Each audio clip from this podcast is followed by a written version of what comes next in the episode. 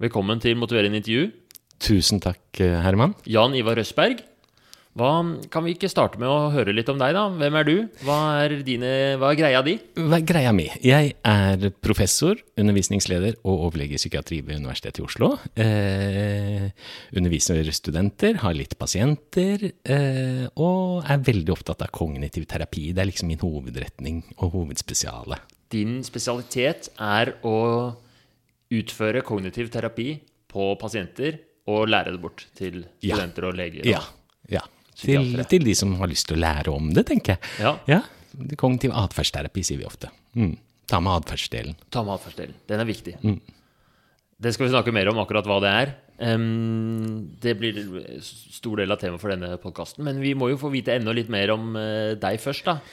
Du lager også en podkast, Det gjør vi. Psykopoden. Psykopoden. 40 episoder, tenker jeg. Beregnet på studentene i Oslo, men når veldig mange flere. Både allment og andre fagområder. Studenter i utlandet, stud andre studenter i Norge. Så det tror jeg er en sånn godt bidrag til sånn opplysning om hva psykiske lidelser er. Ja, for der går det veldig sånn strukturert gjennom de forskjellige temaene. Angst, depresjon, spiseforstyrrelser, alt mulig. Ja, Vi er vel gjennom alle temaene som studentene ved Universitetet i Oslo har i psykiatriterminen sin, pluss en del sånne ekstra episoder hvor vi tar opp eh, samfunnsaktuelle problemer og diskusjoner og, og temaer. Så det er basically medisinstudiet, psykiatridelen, i podkastform. Ja, det er det.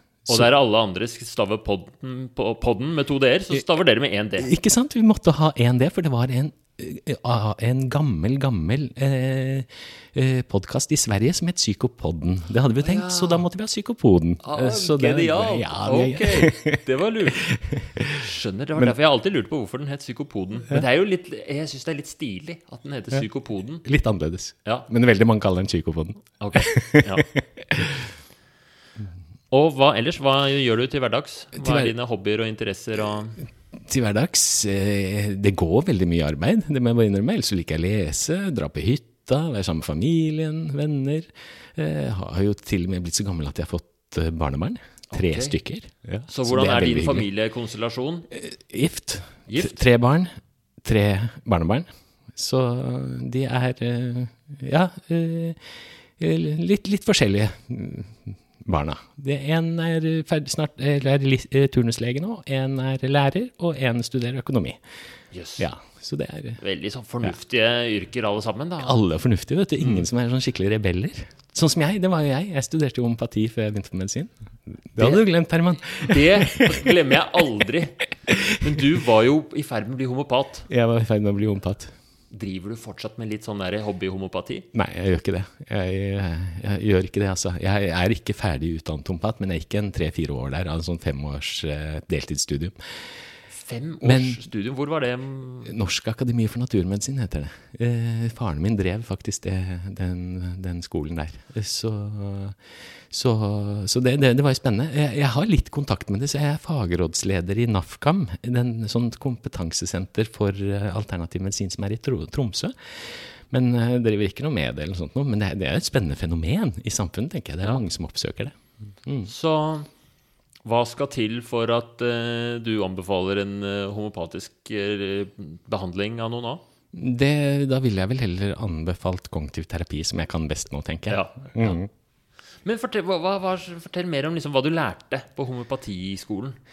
Hva jeg lærte? Mm, oi, dette er, dette er veldig mange år siden. Eh, nei, du, lærte jo først og fremst hva homopati er, men vi lærte jo også andre sånne alternative metoder. Alt fra fotsoneterapi til, eh, til øreakupunktur og urtemedisin. Eh, ja, mens hovedgreiene var jo homopati. Og det baserer seg på at likt helbreder likt. Gammel, gammel metode. At eh, eksempel vil eh, hvis du har, feber, så skal du, kan du gi et middel som på en måte ja, også kan fremkalle feber. Da, ikke sant? Likt skal helbrede likt, på en måte. Ja. Og jo tynnere den er utvunnet, jo sterkere skal den være. Det er liksom et sånt potenseringsprinsipp. Så det i de aller fleste homopatiske midler så er det ikke et molekyl eller ikke et atom igjen av substansen opprinnelig. Ja, Så du har en substans som du blander ut med en sånn uendelig mengde vann. Uendelig mengde vann, det er riktig. Du fortynner og fortynner og fortynner. Og fortynner Ja.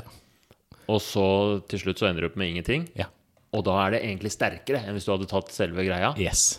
Og det som i utgangspunktet er her, det er hvis du skal behandle feber, så er det et eller annet sånn lite sånn betennelses... Noe som kan gi Ja. feber, f.eks. Men uh, du har jo alle mulige homopatiske midler som er for tiden. Alt fra vanlig salt, natriumklorid, til uh, sjokolade. Altså, du har alt mulig. Så det er, uh, det er en spesiell behandlingsform. Men det er ganske mye homopati. Jeg husker da jeg var liten, så fikk jeg på et tidspunkt homopati mot Mm. noe øregreier. Jeg var ørebarn, så ga mamma meg noe Ta dette her. Ja. Og det smakte litt sånn sukker... eh, Ja, ja, det er pille. sukkerpiller. Ja. Ja. Jeg fikk også masse det da jeg var liten.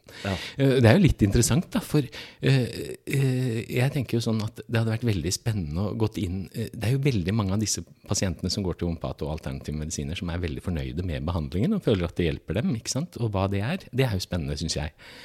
Eh, jeg tenker Én ting ut fra min psykoterapiinteresse, og også kognitiv terapi, er jo hvordan homopatene gjør disse intervjuene sine. Også interessant i forhold til motiverende intervju. Nå kommer vi inn på det også.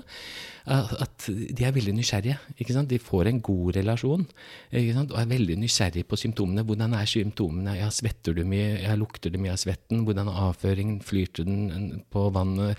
Er den knudrete? Er den brun? Ikke sant? De er veldig nysgjerrige på symptomene. Og det er jo vi som uh, samtaleterapeuter også. ikke sant? Så det, det kaller man jo ofte sånn sokratisk spørring. ikke sant? Den der nysgjerrigheten og ja, Hvordan henger det sammen, tenker du? Hvordan skal vi forstå det? Så, så den tenker jeg er terapeutisk i seg selv. Jeg tenker Hvis noen hadde spurt meg om avføringen var knudrete, så hadde jeg umiddelbart fått tillit. Ikke Her er det en person som veit Dette har ikke jeg tenkt på engang. Ja, ja. Og så har de samtidig en modell, ikke sant? hvis vi snakker om psykoterapi, hva som har bidratt til symptomene. Og så har de også pillen som de da kan gi, da, Mm. som, en sånn, som en teknikk kan vi se på psykoterapeutisk på det. ikke sant? Eh, eh, som kan da, Pluss helseråd. ikke sant? Du skal ikke drikke kaffe, du skal sove godt, du skal generelt sånt. ikke sant? Sånne ting er jo egentlig interessant. Det er spennende. Mm. Men du har tatt litt avstand fra Eller har du endret deg i ditt syn på homofati? Jeg, Jeg litt det? sånn, syns det er et spennende fenomen, og, men ikke noe mer enn det. ikke sant? Sånn. Mm. Ja. Hva med disse andre alternative hva har du mest trua på? Fotsone eller akupunktur eller Akupunktur mot smerter kan jeg tenke meg kan ha en god effekt. Det, det vet jeg, men jeg vet så lite om det. Jeg er ikke oppdatert på dette her nå. Vet du. Så nå er faren stor for at jeg uttaler meg om ting jeg ikke har peiling på okay. overhodet. Da får vi etter hvert pensle over på det du har peiling på. ikke sant? Det, er, eh, det har du ikke lite peiling på heller. Men um, da har vi dekka um, Vi har dekka uh, familie. Vi vet litt om familielivet ditt. Du liker å dra på hytta. Er det noe andre, har du noen andre mm, ting du brenner for eller engasjerer deg for? Ja, jeg, brenner og engasjerer meg, for jeg er glad i å lese bøker. Altså. Jeg skulle gjerne hatt mer tid til det. Jeg syns det er veldig morsomt. Hvilke Men- bøker har betydd mest for deg? Å, det, det er et vanskelig spørsmål, altså. Det er eh, Jeg syns jo Michel Holobeck er eh, dystopisk og interessant å lese. Det er sånn at jeg kan få avstand fra han, men han får deg til å tenke på en eller annen Ja. måte. Ja, han har jo skrevet en del artige bøker. Jeg har lest eh, den synes ene, den derre mm, eh, Serotonin. Nei, ikke den. Nei. Før den. Eh, underkastelse. Nei. Eh, det har sånn rosa cover. Eh, jeg husker ikke hva han heter. Det handler, om en, det handler om to hovedpersoner. Han ene er helt sånn der eh, sexgal. Ja. eh, drar på sånn hippiecamp. Ja, ja, ja, er ikke det den eh, Å, hva er det den heter? Er ikke det hun Nei. Nei, Nei, ja, nei, hva het den igjen, da? Nå husker jeg ikke hva den het. Jeg vet hvem du mener. Det er jo nest siste eller noe, det. Ja. Ja, ja. ja den syns jeg var bra. Ja, jeg synes, Men det, jeg ble jo deprimert, eller jeg ble irritert på de der figurene. Jeg syns de er så utrolig negative. Det er ikke nødvendig. De trenger litt kognitiv atferdsterapi. Ikke sant? Jeg Det føler du måtte snudd Du kunne snudd de greiene der på null komma svisj. Ja, men det er det som er så Det, det vekker så mye avsky ofte i meg når jeg leser Ja. om han. ikke sant? Så, så, og, og samtidig så får det deg til å tenke på en eller annen måte Herregud, det går ikke an, det går ikke an, for pokker. Det Ja. går ikke an å være sånn. ikke sant? Det er sånt, så Kanskje det er meningen? At han skal vise sånn der utrolig negativt bilde, og så blir man sånn opptatt av å bevise. I hvert fall ble jeg det. Så, sånn, dette, så negativt trenger man ikke å være. Ikke sant? Verden er et fint Ja, sted, det. Ja. Og jeg tenker, trenger vi ikke sånne forfattere da, som er den der motpolen egentlig, som får oss Nei, men herregud, sånn skal vi ikke ha det, så, sånn Ja. skal vi ikke oppføre oss, sånn skal vi ikke gjøre det. Jeg, jeg liker litt de der som øh, er litt sånn på siden og sier det motsatte alle andre gjør, jeg, tror jeg. For, for det får oss andre til å tenke litt. Og sur. opponere litt. Jeg er fortsatt sur på det. Jeg, jeg syns du er tull. Ja, ja. det er bra. Ja. Men ok. Noen andre forfattere eller bøker som eh, Knausgård er jo en klassiker. Han liker jeg godt. Eh, Jeg slukte jo eh, Min kamp. Jeg syns han beskrev eh, veldig mye sånn allment, som var veldig gjenkjennelig. Eh, Hva da, for eksempel? Jeg, for jeg har ikke lest uh, ordentlig. Jeg har lest litt i Jeg leste en sånn englebok han hadde. Eh, ja, ja den, en av de første, det. Den, den, eller den andre boka hans. Da. Ja. eh, den, så eksempel fra han er jo, er jo litt sånn selvavslørende, kanskje. Men leser, han beskriver hvordan det var å være pappa med lite barn, hvor han gikk rundt i Stockholms gater. Langt, langt, langt sånn kapittel om hvordan han var for babymusikk, og hvordan han gikk der, og så gikk han inn på en kafé, og så Du bare lyste at han At, han, at det var langdrygt, litt kjedelig, kan man kanskje si. Og, og, og det kjente meg litt igjen i det. ikke sant? Det var ikke noe sånn fart, eller noe sånt, det var det å gjøre det og det, og sånn, og så gikk dagen på en måte, eller et eller annet sånt. Det var, det var et eller annet der som traff meg, i hvert fall. Som, som jeg tenkte på etterpå. Ja, men kanskje det var litt sånn det var i den der småbarnsperioden. ikke sant? At det var den der, ja, det, var ikke, det, det var det som var hovedpoenget. ikke sant? Og, Jeg skjønner følge. at jeg må lese mer Knausgård, for nå de to siste gjestene mine på rad har hatt sine Knausgård-referanser. Ikke sant? Forrige gjest nå, 23 år gammel eh, eh, dame som mm. er musiker, og Ja. Hun hadde som mål for å motivere en intervju Ja. å, å klare å slippe løs sitt Ja. indre Knausgård-monster. Og så liker jeg jo veldig godt litt sånn eh, halvlære, litt populærvitenskapelige bøker. da. Det, okay. det syns jeg er kjempemorsomt. Hva er din Sånn- favoritt? Nei, der, der, der har du jo Jostein Gaarder var jeg jo kjempeglad i når han holdt på og skrev, skrev eh, litt sånn filosofisk. Og eh, Brinkmann, Sven Brinkmann, han danske, syns jeg har skrevet mye bra bøker om mennesket, på en måte. Er det å han forstå som mennesket. har eh, de ti støtteståsteder, eller noe sånt? Ja, han, det, er han, det er en av de bøkene han skrev. Og kunsten å tenke negativt? Ja, Ja. det er det. Uh, han, han er litt sånn stoisk filosof på måte, på mange måter. Han er jo mye annet da. Og han har også en podkast som faktisk er verdt å, verdt å høre på. Brinkmann Brix, som går på dansk radio. Uh, vi skal ikke reklamere for andre enn Psykopoden og Motiverende intervju-podkasten, kanskje. Nei, men det, jo, det syns jeg vi skal. Brinkmann Brix er absolutt en podkast det er verdt å få med seg. altså. Veldig morsom. Ja, jeg har aldri Mm. hørt, men det skal jeg sjekke ut. Ok, så det er ditt, eh, dine interesser, ditt liv handler om Altså, du er jo en, eh, en kognitiv fyr, da. En Så, kognitiv fyr. så det er bra du har begynt med kognitiv atferdsterapi. Ja. La oss, for de som ikke eh, Jeg må bare få si at jeg begynte med psykodynamisk terapi. Det Å, ja. skal det være. Jeg har utdanning der òg. Så jeg begynte med det faktisk først. Og så begynte jeg å behandle mest de aller dårligste pasientene, de psykosen og schizofreni og sånn. Og der var psykodynamisk terapi litt ut når jeg begynte å starte med det. Det hadde liksom gjort sitt. Det var ikke noe effekt. på en måte. Og så kom det studier på at kognitiv terapi var, eh, hadde en effekt på de alvorlig psykiske syke. Og da begynte jeg med kognitiv terapi. Og da begynte jeg med utdanningen og veilederkurs og alt sammen. Ja. Så jeg, jeg, begge utdanningene, på en måte. Det er psykoterapi egentlig som jeg, jeg syns er mest spennende. Ja. Motiverende intervju, for eksempel. Jeg er kjempespennende. Så alt som har med å hjelpe folk med samtale Ja, egentlig. Ja, Uansett hva det er. Jeg syns metakognitiv terapi er spennende. Mentaliseringsbasert terapi er spennende.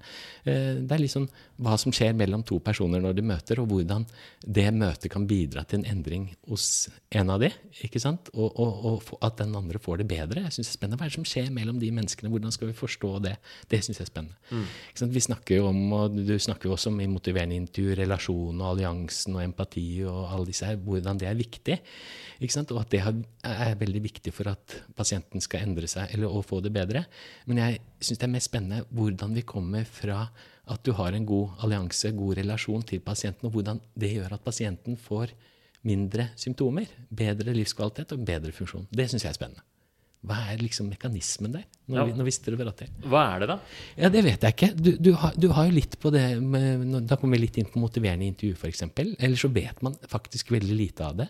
Eh, men jeg har lest noen studier ved motiverende intervju hvor, du eh, hvor jo mer endringssnakk du har, jo bedre endring er det. ikke sant? Og da er det den som er liksom mekanismen for endring. Ja. Eh, i, så, så har du studier som viser at det er innsikt, i, innsikt i ditt eget liv som gjør at du endrer det. ikke sant? Eller, eh, ja, eller alliansen, relasjonen du har med terapeuten, som kan være de viktigste tingene for endring. Det å ha, plutselig få en sånn god relasjon hvor du med tillit og, og samarbeid liksom, er, er nok til å, å, gjøre det lettere å håndtere symptomer, liksom? Jeg tror ikke, jeg tror ikke det er nok. Vi har ikke noe som heter bare allianseterapi, f.eks. Jeg tror Den alliansen og relasjonen og det der må være der som et sånn grunnmør. Men så tror jeg du må ha noen teknikker eller noe eh, som bidrar til endringen i tillegg. Du må ha noe innhold, kan ikke bare sitte og bli kjent? Liksom. Kan ikke det, altså. Du må ha noe innhold som bidrar til det. Men dette er jo en diskusjon sånn i fagmiljøene. Hva, hva, er det som er mekanismene for endring? Hvorfor endrer pasientene seg i samtaleterapi? Mm. Det er det hotteste spørsmålet, tenker jeg. Du, du, drev først med psykodynamisk terapi, og så byttet du liksom litt til mm. kognitiv atferdsterapi. Mm. Jeg har inntrykk av at de to leirene der er de to viktigste store leirene innenfor psykoterapi. Og at det er litt sånn, der, sånn som United mot Liverpool, på en måte. At det er litt sånn kniving. Mm. Ble du sett på som en overløper? Nei, jeg tror ikke det. Jeg håper ikke det. Eh, det er ingen som er sure på deg? Det, det, vet jeg ikke. Ingen som har sagt at jeg surer på meg, i hvert fall. Men, men, jeg tenker det var en veldig sånn eh, Det var nok en mye mer kriging når, eh, i starten av karrieren når kognitiv terapi kom. At det var en litt sånn enkel terapi, litt sånn rema-terapi. At det, det, der er jo for enkelt, tenkte psykodynamikeren. Og, og de kognitive er litt andre veien. ikke sant? At det er ikke noe vits i å holde på med det dere gjør, og Freud og dette her. Eh, men, men det tror jeg endret seg ganske mye. altså. Den er der litt fortsatt. men men det er jo litt morsomt i den forskningsgruppa som jeg leder nå. Der er vi jo eh, alle forskjellige typer terapier. Der har vi en professor i psykodynamisk terapi, en i metakognitiv terapi, en i mentaliseringsbasert, og så jeg i kognitiv terapi, f.eks. Mm. Og så driver vi og prøver å samarbeide og se hvordan er det de ulike terapiene virker? Altså, og, hvem virker de best for, ikke minst? For jeg tror ikke sånn at det er én type terapi som passer for alle. Jeg tror vi, Hvis vi da klarer å å finne det med en gang. Hvordan terapien virker best for deg, hvilken terapi virker best for deg. Sånn at hvis du blir deprimert eller fangst, kan få den med en gang. Så vil vi spart uh, veldig mye lidelse, ikke minst, og også penger for samfunnet. Ja, fordi det er uh, Det hadde kanskje vært det aller beste. At pasienten kommer inn, mm. også basert på både pasientens personlighet og også kanskje hva slags lidelse han har, så får, får man eh, terapi ut ifra det. Ikke sant. Så det beste hadde vært hvis alle kunne alt. Ja, ja egentlig. Så, men vi må da kunne tenke at uh, jeg som kognitiv terapeut Oi, ja, men du hadde trengt psykodynamisk eller metakognitiv eller noe annet. At jeg bare kan henvise videre til det. Mm. Sånn burde det vært i systemet. Og det er jo dette som er fremtiden. Det er jo dette som er individualisert behandling, personlig medisin. ikke sant? Det er, ja. det er, jo det som er fremtiden. At de skal få det som er tilpasset. Enten det gjelder medikamenter eller, eller psykoterapi, tenker jeg. Ja, Sånn som det er nå, så er det kanskje altså, du, du, blir henvist til én person, og så er det den som har deg, liksom. Ja. Så hvis det er en kognitiv terapeut, men du egentlig trenger psykodynamisk terapi, så er det jo litt sånn ja, vi får bare kjøre på allikevel. Ja, det er, det er jo litt sånn, dumt. Det er veldig dumt, syns jeg. Altså, det, jeg synes vi skal, det, det, må, det må vi faktisk jobbe med å få inn, tenker jeg. Mm. Hva er det um, Kan du lære meg kognitiv terapi nå? Uh, jeg kan si hva jeg kan fra før. Det er at man uh, Kognitiv terapi Det er sånn en hovedøvelse som jeg har lært. Det er at du tar uh, La oss si du har, har noen vonde følelser, noe angst eller noe sånt noe. Og så spør jeg deg hvilken situasjon dukker de opp. hvordan kjennes de følelsene ut? Hvilke tanker er knytta til dem? Og så utforsker jeg det, og da er liksom øvelsen er å prøve å se om er det noen alternative tanker mm. man kan tenke istedenfor. Og så trene på det. Ja, Vi kan ta et, jeg fortsetter litt med eksempelet ditt. Ja. ikke sant? Eh, eh, hvis det kommer en pasient som er trist, så utforsker vi selvfølgelig det. De, de kom, pasientene kommer jo fordi de er triste, lav selvfølelse og vil endre noe i utgangspunktet. ikke sant? De, har, de, har, de sliter. Dårlig funksjon, livskvaliteten er nedsatt. ikke sant? Mm. Og da tenker vi sånn i kognitiv terapi at vi, vi, har en litt sånn modell som vi kaller den kognitive diamanten. da, ikke ja. sant? Hvor du har tanker, du har følelser, du har kroppslige ting, og du har atferden. Det er jo egentlig mennesket. Og det er litt sånn interessant. I alle disse psykoterapiene de har jo en modell for hvor, hva mennesket er, på en måte, og hvordan, eh, hvordan disse psykiske lidelsene oppstår, hva som vedlikeholder de, og hva vi kan gjøre for å endre de. I kognitiv terapi sier vi at vi har disse tingene her. I, mm. dette, I miljøet vi eksisterer i, så har vi tanker, følelser, atferd og kroppslige eh, ting. Så vet vi at det er ikke så lett lett å begynne å endre eh, følelsene direkte. Det er ikke så lett å si ja, ikke, 'hvorfor skal du føle det', liksom. Det er ikke så lett. Slutt å være trist. Prøv å være litt glad isteden. Ikke? Har du testa det? Det går ikke. ikke sant? Og det, er ikke, og det er ikke så lett å endre kroppslige symptomer heller. Men atferden og tankene de kan vi begynne å vurdere litt. ikke sant? Hvis du er deprimert så, og bare blir liggende på sofaen, så kan vi prøve å si, motivere deg og prøve å få deg opp av den sofaen og prøve å bevege deg litt. Så kan vi se om det hjelper litt eh, på depresjonen din. ikke sant? Å ligge på en sofa og gruble, det vet vi ikke bidrar til bedring av eh, symptomene ved depresjon. Det gjør det bare verre. ikke sant? Og så Ja, for vi prøve man kan ikke Men det føles jo litt Når man er deprimert, føles det ikke litt sånn som at det er det man trenger? Jeg trenger bare å få grubla meg gjennom dette her. Jo, ikke sant? Og det er jo det som er problemet med grubling. Altså Det er som kvikksand. Du, det hjelper deg ingenting. Du, du prøver hele tiden. ikke sant? Og jeg har hatt pasienter som har holdt på i flere uker med å ligge på sofaen og gruble, se litt på TV, får ikke med seg hva som TV, grubler om problemene sine. De graver seg bare mer og mer ned. Og da, hvis, hvis de er veldig plagete, så er atferdsdelen jeg prøver å gjøre noe med først. ikke sant? Og prøve å få de opp av den sofaen. For det, det er litt sånn derre Vet du hva, du må, kan du ikke prøve å komme deg ut og gå litt, eller ta en kontakt med en venn, eller et eller annet sånt? Gjøre noe som eh, ikke bidrar, er å ligge på den sofaen.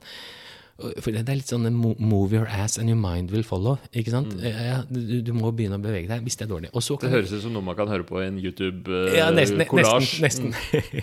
Eh, Men så er det jo også tankene. Vi prøver å se er de realistiske. ikke sant? Fordi når du er deprimert, så har du ofte solbriller, mørke solbriller på deg, sånn at du ser verden i sort mye mer enn det den egentlig er. At jeg, duger ikke, jeg klarer ikke å få til noen ting. Jeg, det, det er ikke verdt noe. Jeg er en dust. Alle andre er bedre enn meg. Sånn negative automatiske tanker som liksom hjernen strømmer gjennom av når du er deprimert. Jeg har vært eh, kortvarig deprimert eh, ved et par anledninger. Og det, som, det er jo grunnen til at jeg merker det, at dette her er jo helt Det er at øh, da ble jeg helt overbevist om at jeg kan ikke være lege. Jeg er helt udugelig. Jeg øh, um, Mest sannsynlig kommer jeg til å bli uføretrygda, for jeg har ingenting jeg får til. Og det er helt sjukt, for jeg, jeg kan jo det. Jeg vet jo det. Du er lege. Ja, jeg får tilbakemeldinger på at jeg er flink og, og Ikke sant? får det til. Da, da ville jeg øh, inn, gått inn på tankene dine der du hadde, ikke sant. Jeg kan ikke øh, hvis- hva, Hvilken tanke var det du hadde? Jeg kan ikke bli lege, for eksempel, ikke sant. Ja. Det er liksom katastrofeangst. Ja, eller det går ikke. Det går ikke. Du klarer ikke, jeg er ikke dyktig nok. Hva bygger du den tanken på? Er den realistisk? Hva bygger du den på?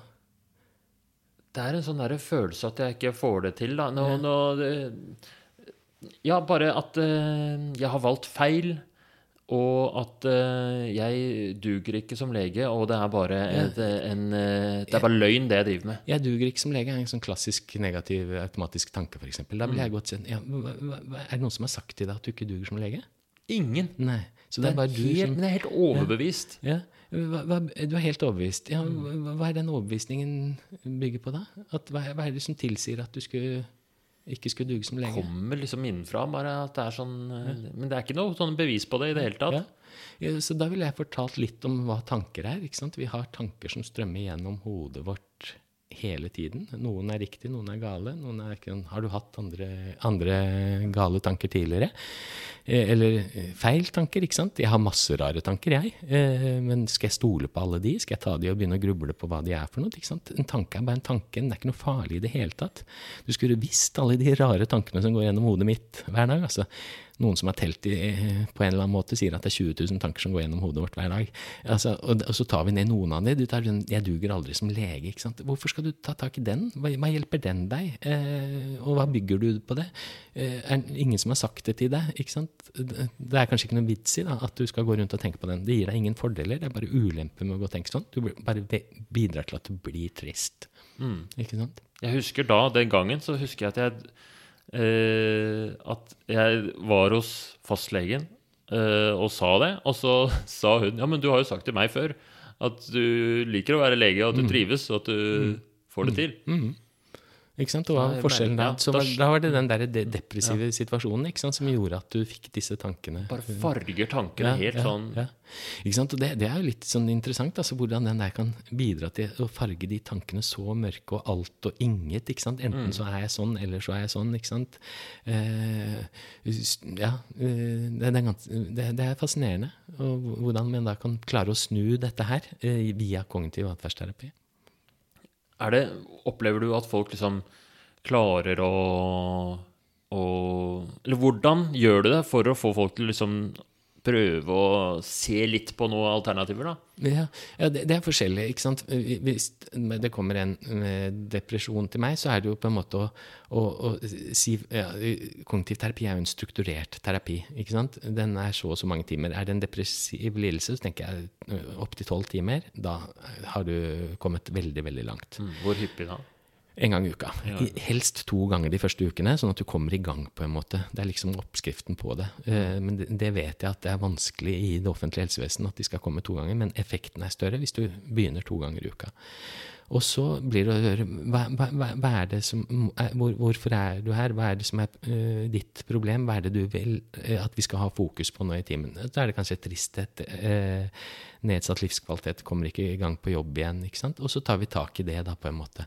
på en strukturert måte. Og, og, og så tar vi ulike situasjoner. For, for eksempel hvis eh, Jeg kan ta et eksempel. Eh, en pasient jeg hadde som, eh, som, som tenkte at hun ikke dugde til å gjøre jobben sin, og var deprimert og trist, hadde vært en par måneder. Vi tok forskjellige situasjoner når hun var på vei til jobben. var situasjonen, Satt på trikken. Eh, tanken hennes var 'jeg, jeg duger ikke'. Eh, og så ble hun trist. Og atferden hennes var jo at hun gikk hjem igjen og meldte seg syk. ikke sant? Der tok jeg tak i de, de kognisjonene hun hadde, at hun ikke dugde. Hva, hva bygde hun det på? ikke sant? Eh, er det noen som har sagt henne 'Vil en god venninne uh, si at du ikke duger?' Nei, det er ingen venninner som har sagt at jeg duger. Er det noen kollegaer som har sagt at du ikke duger? Nei, det er ingen som har sagt at jeg ikke duger. De har heller sagt det motsatte. ikke sant? Eh, og så forklare hva en depresjon er. ikke sant? Psykoedukasjon er en viktig del av, eh, av, eh, av kognitiv terapi. Mm. tenker at Jo mer du vet om lidelsen, jo, jo, bedre går det også. Litt av det samme som har du diabetes. Jo mer du vet om diabetes, jo bedre går det med deg. Jo mer du har, vet om hjerteinfarkt, jo bedre er prognosen. ikke sant? Vi må forklare dem hva behandlingen er, hva, hva som er optimal behandling. på en måte. Og så spurte hun, og allerede da så begynte det å endre seg på en måte. Nei, det er ingen som har sagt det til meg. De sier jo at det motsatte, ikke sant. Uh, ja. Og så var det sånn eh, at tanken etter hvert ble mer sånn alternativ. At uh, akkurat nå er jeg litt sliten, men jeg, jeg klarer dette her nå og kommer meg videre. Ikke sant? Du, så det er plutselig mye mer sånn konstruktiv, håpefull tankeinnhold? Ikke sant? Noe som er, gir deg mer fordeler på en måte enn ulemper å tenke. Ikke sant? Og er mer realistiske tanker. Ikke sant? For det er noe med depresjonen, den gjør at du blir uh, utrolig slem mot deg selv. ikke sant? Du, du, du blir så streng mot deg selv eh, at du, ikke, du får ikke til noen ting, du klarer ikke noen ting, er ikke verdt noe. ikke sant? Eh, hun kom også da og sa at hun var verdiløs. ikke sant? Ja, hva vil det si å være verdiløs? Ja, det er vanskelig å beskrive. Kjenner du noen mennesker som er verdiløse? Nei, alle mennesker har jo, har jo verdi. Ja, hvorfor har ikke du verdi, da? Ja, jeg selvfølgelig har jo verdi, ja. ja men du sa jo nettopp at du ikke ja, hadde vært verdiløs. Så du er sånn der Sokrates? Ja, litt sånn eh, sokratisk eh, på en empatisk og god måte. Litt sånn utforskende måte. Nysgjerrig. Det gikk jo ikke så bra med Sokrates. Han måtte jo tømme giftbegeret, som vi vet, fordi han var en klegg på disse Han var så irriterende. Han var irriterende. Men man gjør det på en utforskende, empatisk og god måte, sånn at, hvor du har en god relasjon til mm. denne pasienten og, og, kan stole på deg. på en måte. Mm. Så det som ligger i den strukturen, er at du, øh, du går liksom gjennom disse øh, tingene i øh, den der kognitive diamant. Mm. Og, og, og, er det sånn at du har et opplegg som er litt forskjellig for hver av de tolv timene? Er det et program for de? Eh, det blir det automatisk, på en måte. Altså, De første timene blir jo kjent å høre på hva problemene er, hvordan det har oppstått, og, og, hva som vedlikeholder de, på en måte. Vi lager jo da, i løpet av de første tre timene, tenker jeg, eh, så lager vi en kasusformulering, som vi, kan, vi kaller det. Og det bidrar til Det er sånn øh, øh, hvordan symptomene har oppstått, hvordan, hvorfor øh, dette har skjedd, og hva som vedlikeholder dem, og hvordan det arter seg. ikke sant?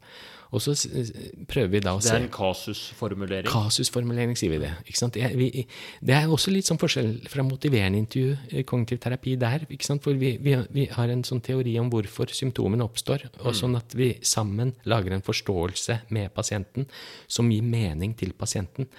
Eh, av og til tenker jeg at det er ikke sikkert det er sånn, men så lenge det gir en mening, så er det noe å holde fast ved på en eller annen måte. Ikke sant? Ja, nei, det var, ikke? Ofte kan det jo deprimerte være at de har mistet jobben, eller kjæresten har gjort det slutt, eller det kan være en sånn direkte utløsende årsak. Eh, men, men hvorfor akkurat Det er jo mange som ikke blir deprimerte selv om de, de mister jobben eller kjæresten gjør det slutt. Så litt sånn underliggende faktor prøver vi å få tak i da. Men vi har ikke fokuset der, men vi gjør det for å få en forståelse av hvorfor lidelsen har oppstått. Mm. For vi, vi, vet jo faktisk ikke. Og det er litt forskjellen på kognitiv terapi og psykodynamisk terapi. I kognitiv så tenker vi at vi vet faktisk ikke hvorfor noen får psykiske lidelser helt nøyaktig. Vi vet om risikofaktorer og sånn, men vi vet ikke helt nøyaktig det. Så vi fokuserer på her og nå-situasjonen. Ja. Det er det som er Det kan vi gjøre noe med. Vi kan ikke gjøre noe med fortiden. Vi kan ikke gjøre noe med fremtiden. Vi må fokusere på her og nå. Og gi pasienten et redskap til å forholde seg til ulike situasjoner i fremtiden. Hva er psykodynamiske alternativet der, da? De ville nok tenkt på å være mer sånn relasjonsorientert. Eh, hvordan eh, kanskje var relasjonen i barndommen? Var det noe du tenkte på der? Ja. Mm. Og så repeterer du den atferden der, ikke sant. Og, ja, så der er modellen at man repeterer mønstre som man liksom har lært i barndommen? Det er en av de tingene, ikke sant. Og skal gi innsikt og prøve å forstå det, sånn at du kan ta med deg det videre. Mens i kognitiv atferdsterapi så er det sånn Dere sier ikke at det ikke stemmer. Det kan godt hende det stemmer, men det er ikke helt fokuset. Mm, Hva kan vi gjøre her og nå? Nei, vi tenker litt sånn eh, For jeg har jo brukt tid på det i kognitiv terapi òg, men da har det vært en klar agenda med det. ikke sant? Da, ja, da tenker jeg at ja, da vil jeg forholde meg til de uh, tingene Eh, jeg opplever nå, på en annen måte. Hvis jeg forstår litt mer hva som skjedde på barneskolen, f.eks. Da bruker vi noen timer på det, og så ser vi ja, endrer det noe. Ja, det er kanskje endret litt. Ok, da kan vi fortsette litt med det. Men det er hele tiden pasienten som er i førersetet, som bestemmer hvor vi skal hen. Og så har jeg en tanke om hvor, hvor, hva som skal til da, med ulike teknikker for å endre dette her. Hvor ofte gir du lekser til pasientene? Hver gang. Fra, fra, første dag. Fra første dag? Fra første gang de er her. For det, det er også en sånn greie i kognitiv terapi at vi tenker én time i uka, det er ikke nok, altså. Det er veldig mye annen tid som du faktisk må gjøre en jobb for hvis du skal komme deg ut av den depresjonen, den angsten, den psykosen, den sosiale fobien. Um, Eh, så da må vi utvide på en måte eh, terapien til å gjelde dagliglivet også. Sånn at de får med seg meningsfulle oppgaver som vi kanskje helst har snakket om i timen, da, og, og, øver seg på det. Har de hatt vanskeligheter med å gå i butikken f.eks., så jeg, er du villig til å prøve å gjøre det nå og se hva som skjer. Og så tar, eh, beskrive da hva som skjer neste gang du kommer, f.eks. Gjør de alltid leksene sine? Nei, gjør ikke det. Da, da, prøver vi å undersøke hvorfor ikke, eh, mm. og prøve å motivere det til å finne en bedre lekse neste gang. Da. Eh, vi, jeg, lekse er litt sånn dårlig ord, egentlig. Ja, hva liksom bruker du? Utvidelse av terapien, eller en liten sånn øvelse, eller et ja. eller annet sånt, tenker jeg. Det kan, det, men det kan være alt. Ofte får de en sånn uh, pamflett, med, pamflett eller en skriv om hva en depresjon er, hva kognitiv terapi er, og sånn, og så kan jeg, spør jeg neste gang da har du lest den, og hvordan var det? Ga det mening? Ja, det ga mening. Det er akkurat sånn det er. Eller nei, dette ga ikke mening, så dette skal jeg ikke ha fokus på. ikke sant? Så. Har du en sånn favorittoppgave som du gir? Ja, det har jeg. Det er, og den, er, den syns jeg Jeg tror den blir brukt for lite også. Det er å registrere eh, Nå snakker jeg om deprimerte pasienter. Eh, det er jo de som er hyppigst eh, i allmennpraksis, kanskje hos spesialisthelsetjenestene. Det er det å registrere mandag fra klokka åtte til ti, da gjorde jeg det. Ti til tolv, så gjorde jeg det. Tolv til fire, så gjorde jeg det. En sånn timeplan. Hva de gjorde, og hvordan de hadde det fra null til ti. Hadde, hadde du det som ni, så da hadde jeg det helt topp. Hadde jeg null, så var det kjempedårlig. Og den gir meg en sånn der, eh, beskrivelse av hvordan de har det. Og da lå jeg på sofaen, da hadde jeg det helt jæsklig. Og da satt jeg så på TV, men jeg fikk ikke med meg noen ting. og hadde det innmari dårlig. Oi, da, på torsdag kveld så drakk jeg kaffe med, med en venninne. Da hadde jeg det syv. Da hadde jeg det ganske bra. Og så kommer de tilbake med den. Oi, ja, men du er ikke trist hele tiden, da. Det veksler litt der. Du, nå, nå, har du en depresjon. Nå, nå, skal vi prøve å ha fokus på det som en periode fremover nå, det som gir deg litt mening, det som gir deg litt glede. Kan du bruke mer tid på kafé sammen med en venninne? Kan du gå en tur i skogen? Der ser du at det var faktisk det som, hvor du hadde det bra. Når du lå på sofaen og grubla, så hadde du det ikke bra i det hele tatt. Skal vi prøve å endre det, sånn at du gjør litt mer av det til neste gang? Det er veldig interessant. Veldig Akkurat sånn der timeplan, eller sånn logging ja. av hva jeg har gjort, og hvordan jeg hadde det, det gjorde jeg en periode hvor ja. jeg var nedfor. Ja. Jeg har en sånn app jeg brukte. Ja. Eh, jeg kan vise deg, som heter Kurator. Den anbefaler jeg, for den er veldig gøy, sånn notatapp. Ja. Men da får du Hvis du ser her, så kan du se Har jeg skrevet dagen min, så er det masse sånne ruter hvor jeg skriver inn hva jeg har gjort. Ikke sant? Og så fargekoder jeg etter hvor bra jeg hadde det. Ja.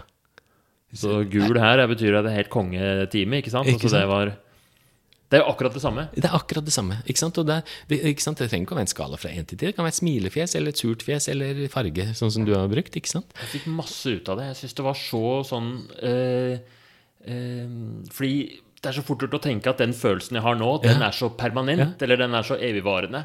Det er den ikke, ikke sant? Det ga meg skikkelig sånn eh, bevissthet på at eh, når jeg er skikkelig sur, eller når jeg er urolig eller sliten, så, så, så går det ofte over.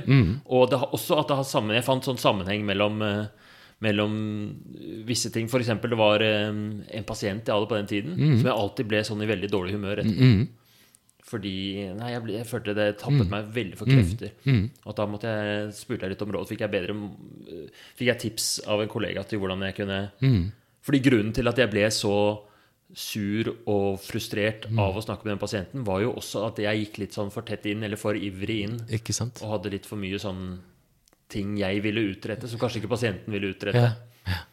Eh, ja. Det er veldig interessant. Altså. Ja, det, det, det, er helt klart min sånn, øh, sånn Den jeg føler jeg får mest igjen for. Gjør Men du det selv noen ganger? Eh, nei, jeg har ikke gjort det. Ikke sånn daglig. det har jeg ikke gjort det. Men jeg registrerer jo hvordan jeg har det. Altså, det. Men, men det jeg skulle si, var jo den, eh, det som er viktig der når man har, har det sånn, og det som karakteriserer depresjon f.eks. òg, er jo den derre at vi er så strenge mot oss selv. Og det er jo akkurat det motsatte vi trenger når vi er deprimerte. Vi trenger den derre gode samtalepartneren, den som støtter oss, den som er bedre. Sier ja, nei, dette, nå, akkurat nå er det litt tungt, men dette går over. Vi trenger en sånn, en, vi, vi trenger en god venn. altså, vi, Og vi har jo det vi kaller doble standarder. Vi er så strenge mot oss selv, vi er mye strengere enn vi ville vært mot en god venn. Så det derre Hva ville en god venn sagt om den situasjonen du er i nå? Den er også veldig Det er et av dine favorittspørsmål. Det er et av mine favorittspørsmål, fordi den, den gir ofte aha-opplevelse. Oi, shit, hvorfor er jeg så streng mot meg selv? Jeg ville jo ikke sagt det samme til en av mine beste venner. Mm. Hvorfor skal jeg gjøre det sånn? Eh, Kanskje jeg kan prøve å være litt snillere mot meg selv. For vi, har, vi mennesker har en sånn der tendens, og den blir ekstrem når du er deprimert, at du hele tiden rakker ned på deg selv når du trenger det motsatte. Det er veldig, veldig Den er også en, en av mine favoritter. Ja. Ja, jeg har en variant av den, eller som jeg liker veldig godt. Det er å, å, å få pasienten til å, for, å dele inn seg selv, liksom. I, i, hva ville du sagt til barnet i deg, på en måte? Eller noen ganger så jeg, Det er en sånn metafor jeg liker veldig godt, at mennesket er som en rytter på en elefant. At elefanten er liksom eh, følelsene og kraften og motivasjonen og liksom det ubevisste, og så rytteren er den som er oppe og prøver å styre. Og da blir det veldig tydelig at det blir sånn uhensiktsmessig med en veldig streng rytter Ikke sant? som hele tiden skal piske og er så sur på elefanten. Av og til så trenger den elefanten trøst Mm. Ikke og sant. ros, og den er jo som et barn, liksom. Mm-hmm. Hvordan ville du snakke til Mm. din indre elefant? Og da kommer det litt det samme, da. Den derre Hva ville en god venn sagt? Ikke sant? Jeg, jeg tenker sånne metaforer også er, kan være kjempevirkningsfulle altså, i, i den terapien. Dette kan det. Så det er veldig, veldig spennende. Flere favorittøvelser eller Og spørsmål? favorittøvelser Nei, det er jo det er mange.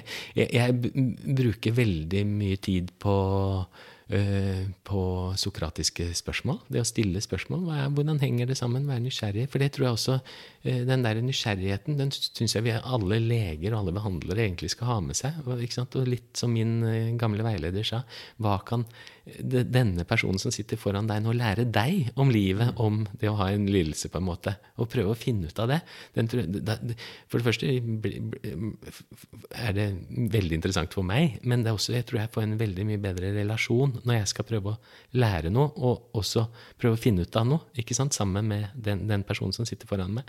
Så jeg bruker mye sånn Hvordan henger det sammen at du tenker det om deg selv? Du gjorde ikke det før du var deprimert. Hvorfor gjør du det nå? Eh, ja, og den bruker jeg nok også.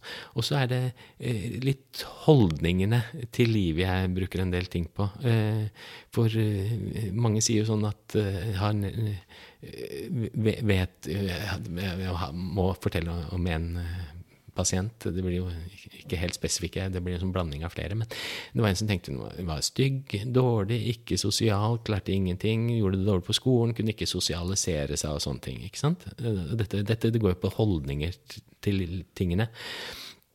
Og eh, så var det samme, ja, Er det noen som har beskrevet deg sånn? da? Nei, det er ikke det. Ja, Hvordan vil den venninnen beskrive deg? da? Nei, Interessant, morsom, flott, pen, god, snill, klok. Eh, ja, Moren din, da? Nei, også interessant, snill, klok, god, empatisk, eh, flink på skolen, god, godt barn og god venninne og alt sammen. ikke sant? Og Er det noen som har sagt at du er lite sosial, stygg og dum og sånne ting? Nei, det er ingen som har sagt til meg. Ja, men hvordan skal du få svar på dette her, da? Eh, ikke sant? Eh, skal, jeg, skal, vi gå ut og spørre alle rundt i kontorfellesskapet mitt og si, si om det er sånn du er? Eller holder det For det første spurte jeg først, da. Eh, men du er ikke sånn du er, hjelper det hvis jeg sier det? sa Nei, nei, nei, du er jo betalt for å, for å si det. Ja, da går vi rundt i kontorfellesskap. Nei, nei, nei, og spør. Nei, nei, hvis de sier at jeg er snill og god og sånn, så er jo de også betalt for det. Ja, ja, men da går vi på Karl Johan, da. Så spør vi 100 mennesker på Karl Johan, og så spør vi om du er, du er lite klok og stygg og dum og sånn. Nei, nei, men det er ikke sånn folk sier til hverandre, sa hun da. Ikke sant? Å ja, så du vil aldri få svaret på det spørsmålet? Spørsmål, du, da. Og, og det er jo interessant, sa jeg. Så, men la oss tenke oss da til å få svaret om 20 år. Og det svaret viste seg å være feil. Det var, eh, det var, sånn at du var snill og god og klok og flink og god datter og god venninne og alt sammen. Da har du gått og tenkt om deg selv at du ikke har dugd i 20 år og hatt det trist. Syns du det er en god, god, god, strategi? Nei, det var det ikke. Det, det, er jo et svar jeg aldri kan få. Ja, kanskje det, kanskje det, lønner seg å tenke sånn som du har fått vite da, fra moren din og venninnen din, at du er god og snill og sånn. Og så får du svaret om 20 år. Og hvis det viste seg å være feil, at det var det, da har du iallfall hatt det godt i 20 år og fått mye energi energi. Og da har du energi til å kunne takle det om 20 år også. Skjønner du hvor jeg vil nå, Herman? Nå ja, jeg, begynte jeg å snakke veldig mye. Ja, jo. Jeg skjønner hvor du vil. Ikke sant? Og, det er holdningene til livet. Ikke sant? Ting vi ikke kan få svar på. Hvordan skal vi mm. tenke om oss selv da? Nå, hvis vi da får svar på det, så har vi gått og tenkt at vi ikke duger for eksempel 20 år. Det er jo veldig trist, da. For da har du tappet deg for energi når den der tingen skjer, f.eks. Det blir, sånn der, ja, det blir nesten som en sånn lek du gjør. da Du driver og danser. Jeg føler du danser pasienten inn i et sånt Til slutt så må de så, så møter de seg selv litt i døra og, og, og ser at det var kanskje ja. veldig uhensiktsmessig å, å, å, tenke sånn. Ikke sant? Og, men, men, det er litt sånn logiske inkonsekvenser som jeg syns mm. Eh, er det. Men, men, og det er så innmari viktig at det ikke blir en sånn ovenfra-ned-holdning. ikke ja. sant? Sånn at dette Fordi bygger seg opp. Fordi ser for at det fort kan bli, da. Ja. At, så det må man være Ikke sant? Og dette her, den, den, den der intervensjonen på en måte med den holdningen hva skjer om 20 år? Det, det var jo over flere timer. Mm. Vi tenkte, vi snakket om det. Hva, det er ikke ja. noe sånn quick fix her. Eh, Nei. Det er det ikke, altså. Det er et godt poeng, fordi som du forklarte nå, så var det litt sånn for godt til å være sant at hun snudde sånn ikke sant? På bare fem minutter. Men det her går over flere timer. Jeg brukte sikkert fem timer på det. Mm. ikke sant? Dette er jo møysommelig. At vi sammen snakker om dette her over flere ganger. Og tar opp forskjellige ting hver gang. Ja, For å kontre den derre at det kan, ved å stille sånne litt ledende spørsmål, at det kan virke ovenfra og ned, så, så, hjelper det sikkert veldig med den der naturlige nysgjerrigheten da, som mm. du har. Mm. Men for det lurer jeg på, uh, selv for min egen del. For jeg tror at jeg som person er ikke sånn naturlig veldig nysgjerrig.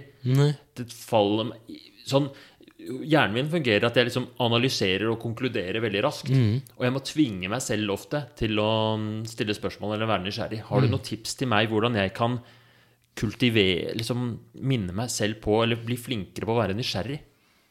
Mm. Eh, ja, hvis du stiller deg spørsmålet hva kan den personen som sitter foran meg, lære meg ja. om livet, eller om det å ha en depresjon eller en angst eller en psykose? Hvis, hvis du stiller det spørsmålet, mm. vil du ikke være mer nysgjerrig? Jo, definitivt. Det tenker jeg. Ja. Jeg ville tenkt det, i hvert fall. Samtidig som for en mer aktiv holdning. Jeg tenker en sånn holdning også til mm. fastlegen. Jeg prøver å lære det til studentene. Hva kan den, for Jeg syns det var så fint det han min veileder sa til meg. fordi det blir en annen måte å forholde seg til det på en måte. Og du, du blir en mer sånn aktiv lytter òg, tror jeg. Mer, jeg, jeg tror det. Jeg har ikke sett noen studier på dette her, Herman. Jeg, det, jeg, så jeg vet ikke. Det er bare min det erfaring. Det er min erfaring når jeg fikk det rådet. Mm. Jeg skal teste det ut, så skal teste jeg gi deg tilbakemelding. På, yes, veldig bra. Veldig bra. Det må du gjøre. Da har jeg lekse. Ja, lekse til neste gang. Mm. Mm. Eller en uh, utviklingsoppgave. Utviklingsoppgave, eller, eller en uh, et eller annet. det er ikke noe gode, gode Jeg har lett etter gode navn på det der hjemmeoppgave, hjemmearbeid. Ja, nei, det finner ikke noe godt. Jeg begynner å få et litt sånn grep på hva kognitiv mm. terapi Føler du at vi har dekket mye ja, viktig? Jeg bare tenker, Hvis jeg skulle sagt sånn hovedgreia er det, er hvordan eh, eh, tanke, tankene våre påvirker hvordan vi har det. Ikke sant? Hvordan vi har det, og, og hva vi gjør. Jeg, jeg, kan jeg ta et eksempel? Ja. Eh, Gjerne. ikke sant? Du, du sitter eh, ung og singel og venter på en date ute på byen. Og Har vært der. Mm. Du har vært der. For, du har vært der for noen år siden, sikkert. Og ventet. Jeg har sittet og ventet, ja, ja. Ja. Og så går det 15 minutter. Sitter stadig og venter. Du sitter fortsatt og venter. og så kommer ikke daten din.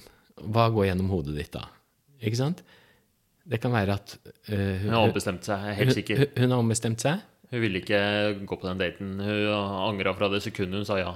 Ikke sant? Hun har sviktet deg. Men det kan også være at trikken har stoppet, at du får ikke tak i henne på mobilen. Det kan være at hun er forsinket av 100 andre grunner. Du kan ha veldig mange tanker om den situasjonen, men situasjonen er akkurat den samme. Daten din kommer ikke på kafeen.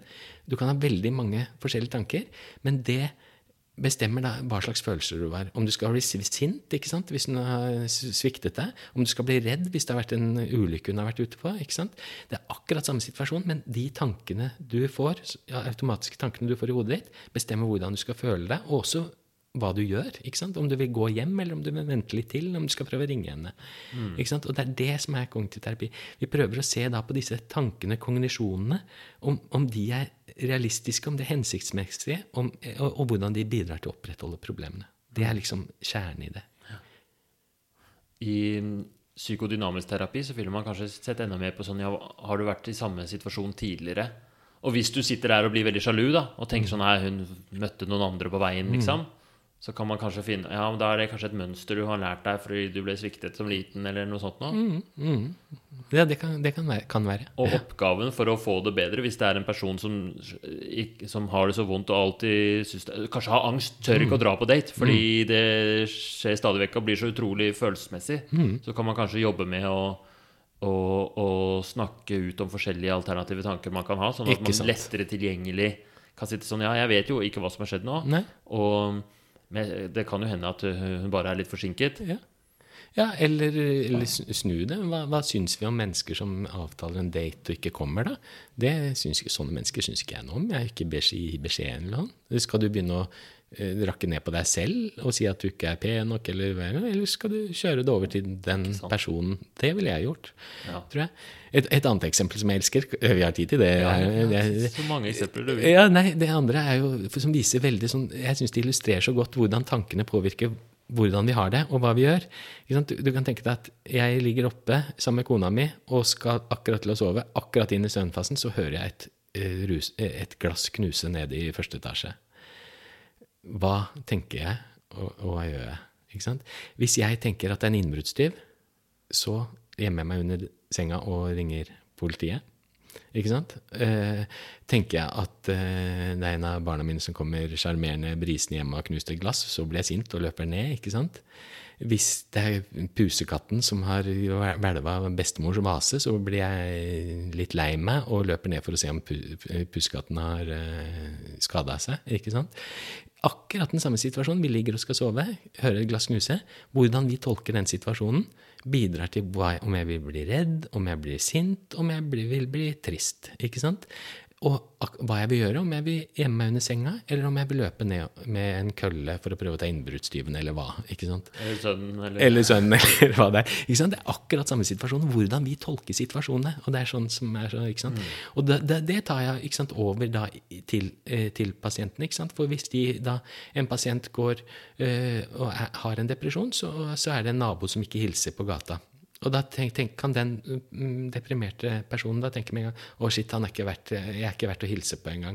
Eh, ingen, ingen som bryr seg om meg. Det kan være hundre andre årsaker til at den personen Og så kunne den deprimerte personen bare gått hjem og lagt seg og grublet videre på sofaen. ikke sant?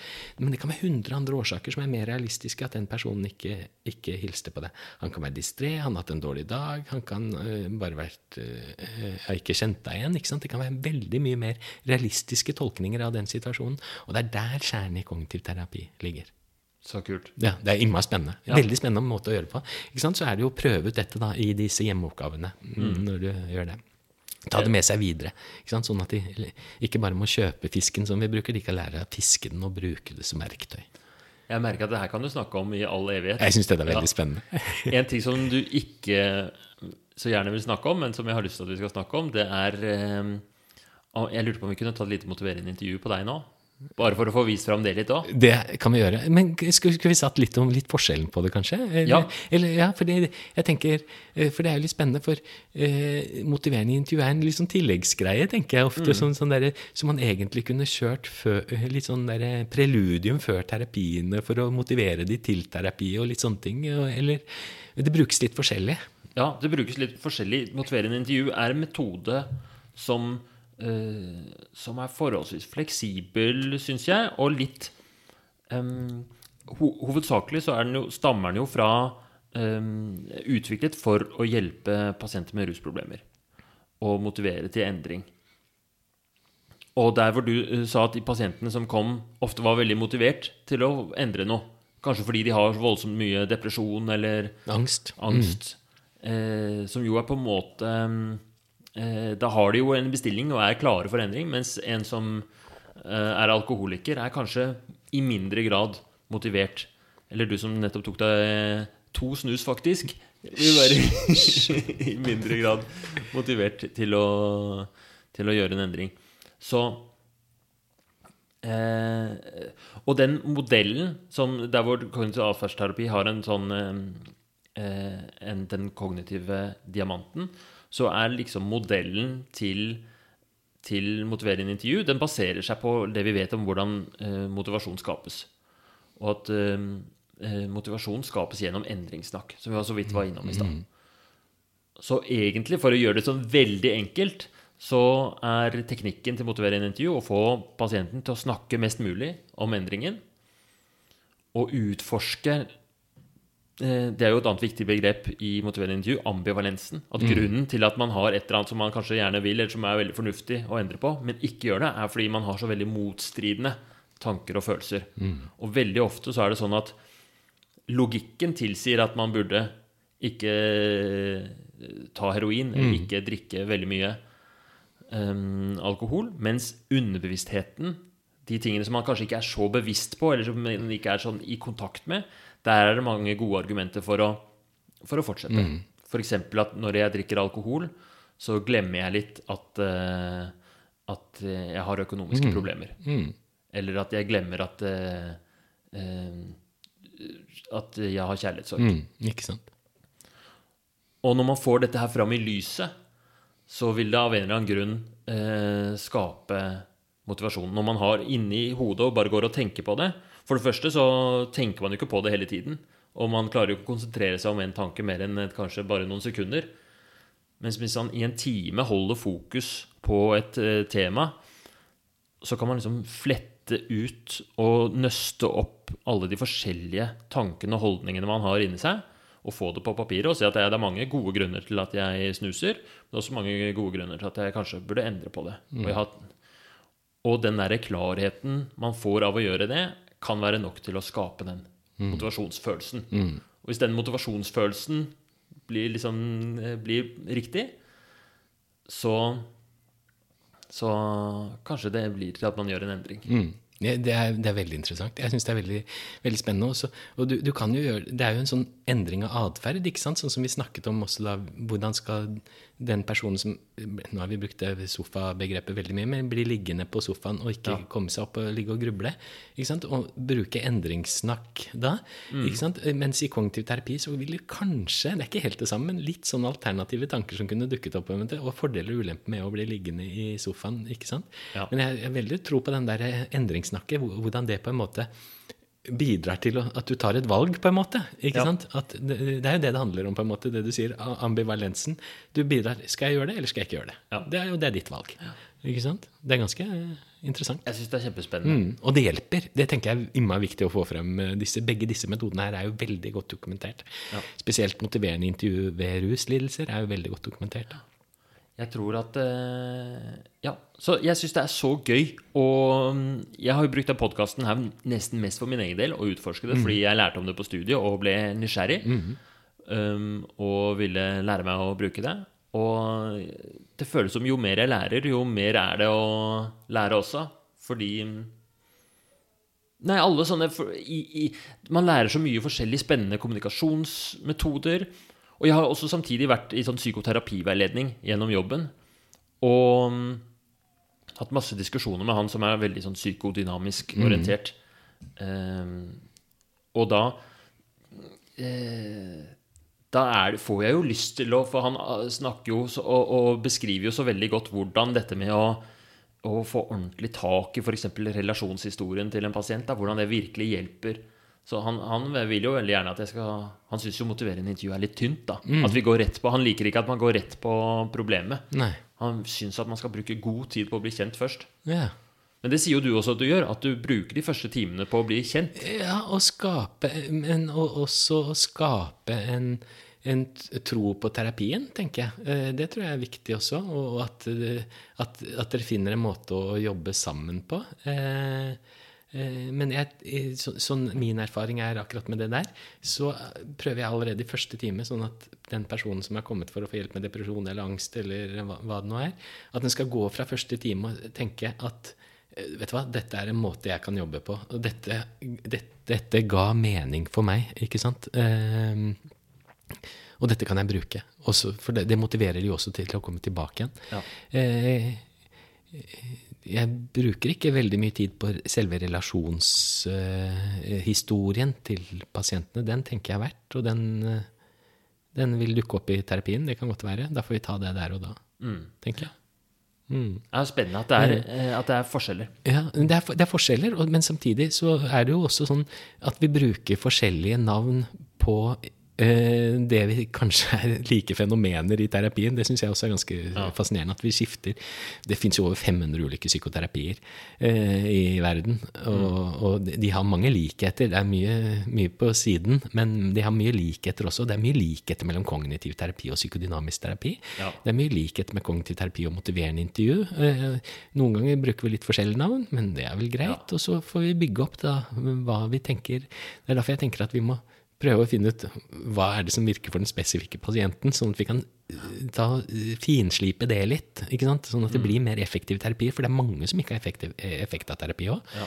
Ikke sant? Det, Jeg tror de likhetene, Hva er det som er de likhetene som uansett er likt i alle? Da? Det, er, det du sa med nysgjerrighet, det må jo gå igjen i alle. mm, Åpne spørsmål stiller man alltid. mm. Hva mer? Sånn, generelt, jeg tenker at eh, det som er felles, er at eh, det ligger litt sånn eh, trøste, forstå og endre. Ikke sant? At du må ha en Du må få en god relasjon, trøst trøste. Du må ha en forståelse av hvordan, eh, hvordan, du skal hvordan symptomene har oppstått, og hva som vedlikeholder de. Og så må du ha ulike teknikker eller intervensjoner for å endre, endre, endre noe. Og hvis du har det, og en god tiltro til dette her, så, så tror jeg det går bra. Det, Men jeg merker du drøyer tiden på når vi skal begynne å snakke motivere deg litt. Du skal, du kan jo prøve. Jeg har jo tenkt på dette hele tiden. Jeg er jo ganske av, av eh, Hva heter det? Av eh, Ikke av, avgjort, holdt jeg på å si, eller eh, forhold til det. At jeg må ha meg en liten snus innimellom. Er det, men vi, kan jo, vi må jo ikke snakke om snus nødvendigvis, da. Men jeg tenkte at vi kunne i hvert fall demonstrere motiverende intervju litt rann, ved å snakke Ja. om noe. Jeg syns det hadde vært veldig spennende. For jeg, jeg har aldri prøvd motiverende intervju. Du har ikke blitt både utsatt for et motiverende intervju? jeg har ikke vært utsatt. Utsatt, det, det var ikke noe fint eh, ord, vel. Jeg har ikke prøvd det. Du har ikke prøvd det. Nei. Hva, hva, hva ville du gjort når jeg kommer og sier at jeg har en veldig uvane som jeg egentlig vet at jeg burde ha sluttet med? Det er Mm. mange fordeler, men har valgt å fortsette med det. Ja. Og ikke, ikke slutte. Ikke prøve engang. Ja, nei, Vi kan jo begynne med å bare sette um, uh, Definere hva uh, dette intervjuet For det første så kommer det til å bli ganske kort, for vi har snakket lenge allerede. ja, Så vi kommer til å rase litt igjennom. Ja. Ehm, så hvor stor uh, effekt det vil ha, det vil jo være definert litt av tiden. Men jeg har jo veldig trua på metoden, så hvem vet hva som vil skje. Men Jeg har også, målet- tro- jeg har også trua på metoden. Mm. Mm. Målet her nå er ikke um, å få deg til å gjøre en endring på snusen.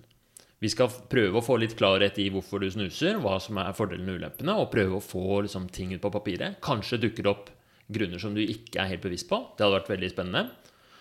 Og så håpet er at vi skaper en sånn eh, motivasjonsfølelse hos deg. istedenfor at det skal være en sånn veldig stressa følelse. Eh, ofte, når, Særlig når det er ting man er avhengig av som snus, så blir man litt stresset bare av å snakke om det. Så du skal prøve å få liksom senka de skuldrene, og så sitter du igjen med en motivasjon. Og den motivasjonen jeg er ute etter, um, som jeg håper kommer, den skal ikke være så veldig sterk. Det skal ikke være sånn 'Nå skal jeg slutte å snuse'. For det er ofte, når den motivasjonen kommer, så er det litt sånn eh, forbigående. Den kan bli veldig sterk i løpet av en sånn samtale, og, men det er ikke nødvendigvis så nyttig. Så den motivasjonen jeg er ute etter, er en litt mer sånn der mild, eh, lett bris av en sånn derre hm, det var litt, At du kommer litt sånn derre Dette Kanskje jeg skal ta det neste steget, liksom. Og bestille meg en ny time, eller kanskje jeg skal se på om det er noe jeg kan Altså den lille sånn derre hm, Kanskje jeg skal prøve å gjøre noe. Den følelsen Den, skal jeg sitte, den håper jeg skal sitte igjen med. den håper jeg du skal Ja. sitte igjen med. Og hva som kommer ut av den følelsen, det er jeg helt uinteressert i. Mm. Om det blir til at du sånn hm, Ja, kanskje det var Nå kommer jeg et steg nærmere. Faktisk, jeg skal faktisk snuse til jeg dør. Mm. Det er helt greit for meg. Men så lenge du får den derre gode, uredde, litt sånn milde in inspirasjonen Mm. Den der hvor man Det er det jeg er ute etter. Ok? Ok, Da prøver vi sammen. å få til det. prøver sammen. Jobben din er jo bare å komme med endringssnakk. Ikke sant. Ja. Så da begynner vi med hva er um, de største fordelene for deg med å snuse? Det største er at det er behagelig, det er godt. Det er et eller annet som roer ned kroppen. Og når jeg ikke tar det, så mm, merker jeg at jeg er avhengig av nikotin, faktisk. Og da eh, gjør jeg det. Og så, kan jeg sitte og se på snusboken. Jeg, jeg kan eh, velge Jeg er sikkert en imma vanskelig pasient nå, tenker jeg. Eh, at velge, Jeg kan velge om jeg vil gjøre det. Og så kan jeg tenke sånn Nei, jeg kan også velge at jeg ikke skal ta den, den greiene. Det er veldig mange fordeler med hvis jeg ikke gjør det. Men så sier jeg nei, fordelen med å få den godfølelsen nå, den er bedre, eh, verdt det. Og så velger jeg å ta den snusen der og da. Det er um, Bare for å ta det mens du er en vanskelig pasient ikke, Du kommer jo med masse endringssnakk her nå. Ja, ja. Fordi både endringssnakk som er i retning av liksom, negativt for snusen, og den andre veien. For hver gang du hyller snusen, det er bra. Alt endringssnakk er bra. Så du er en kjempegod pasient. Hvorfor jeg tenkte jeg var en dårlig pasient, var fordi jeg satt med den følelsen nå at eh, kom igjen, Herman, få meg til å slutte å røyke. At det var din oppgave, liksom, og ikke min. For dette er jo min oppgave. Det er jo jeg som må gjøre dette her. Ja, hvis du vil. Ja, hvis jeg vil, ja. Det er helt opp til deg. Det er ikke ulovlig å snuse. Nei. Så um, kan du beskrive, for du tok jo nettopp en snus, du sier det er behagelig. Kan du beskrive enda sånn dypere hvordan det føles? Nei, det, det er faktisk ganske vanskelig. Har, det har jeg faktisk ikke reflektert så innmari mye om, men det blir litt sånn roligere. Eh, en god følelse. Eh, eh, ja, Nå har du hatt den inne i fem minutter. Hvordan føles det nå? Da? ja, avslappet ro. Jeg merket at jeg nå trengte jeg en snus. Det var det jeg merket. Hvorfor jeg merket det? Var Litt sånn Ja. Eh, Nei, ja, det, det er faktisk veldig vanskelig å beskrive. Men det er i hvert fall en rolig En, en rolig, ja. Avslappet. avslappet. Litt, litt godt å kjenne på den følelsen. Mm, mm. Er det noen andre fordeler ved å snuse for deg? Enn den følelsen? Nei, det er det ikke. Det var litt, Du var inne på det med at du tar et valg. Ja. At det er som på en måte Er det litt sånn Man går jo rundt og gjør veldig mye fornuftige ting, og det er litt sånn deilig å bare sånn Jeg snuser. ja. Det er i hvert fall mange som sier at de Ja. syns å snuse er litt sånn eh, Gir dem en følelse av selvhevdelse. ja. Den kan jeg ikke kjenne meg helt igjen i. Nei. Nei. Men hva mente du selv- du da når du sa du tok et valg? Ja, det mente jeg at jeg vet jo at det ikke er godt for meg. Jeg Mm. vet at det ikke er godt for tannkjøttet, jeg vet at det ikke er godt for kroppen, for blodtrykket, for kreftutvikling. Noen få sjeldne, eh, få sjeldne typer, bl.a. bukspyttkjertelkreft f.eks. Det er litt økning. Det er dyrt, ikke sant. Jeg vet jo om alt dette her, men likevel så tenker jeg at den eh, Den er eh, det, det, det, jeg kan ikke forsvare det i det hele tatt, på en måte, at jeg gjør det. Det tenker jeg.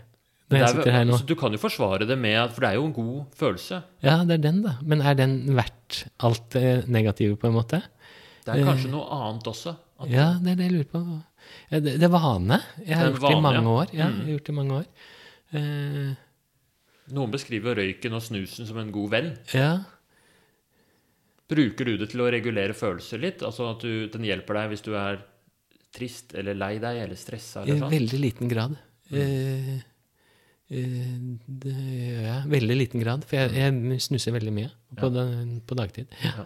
Så Så jeg tror ikke jeg regulerer noe særlig sånn, men jeg merker, jeg merker det litt sånn, litt sånn abstinenser når, jeg, når det har gått en time eller to. En time eller to, så får du et sånt ubehag, og det pleier du ved å Og da tar jeg bare Oi, nå er det gått lenge siden, merker jeg da. Og så tar jeg med en. Mm, så kan, så kan du gjøre det overalt, liksom. ikke sant? Det er så enkelt. Det var liksom ikke sånn som Hvis du hadde røyket, da, så måtte du gått ut og sånne ting. Ja. Men snus kan du ta hvor som helst, på en måte.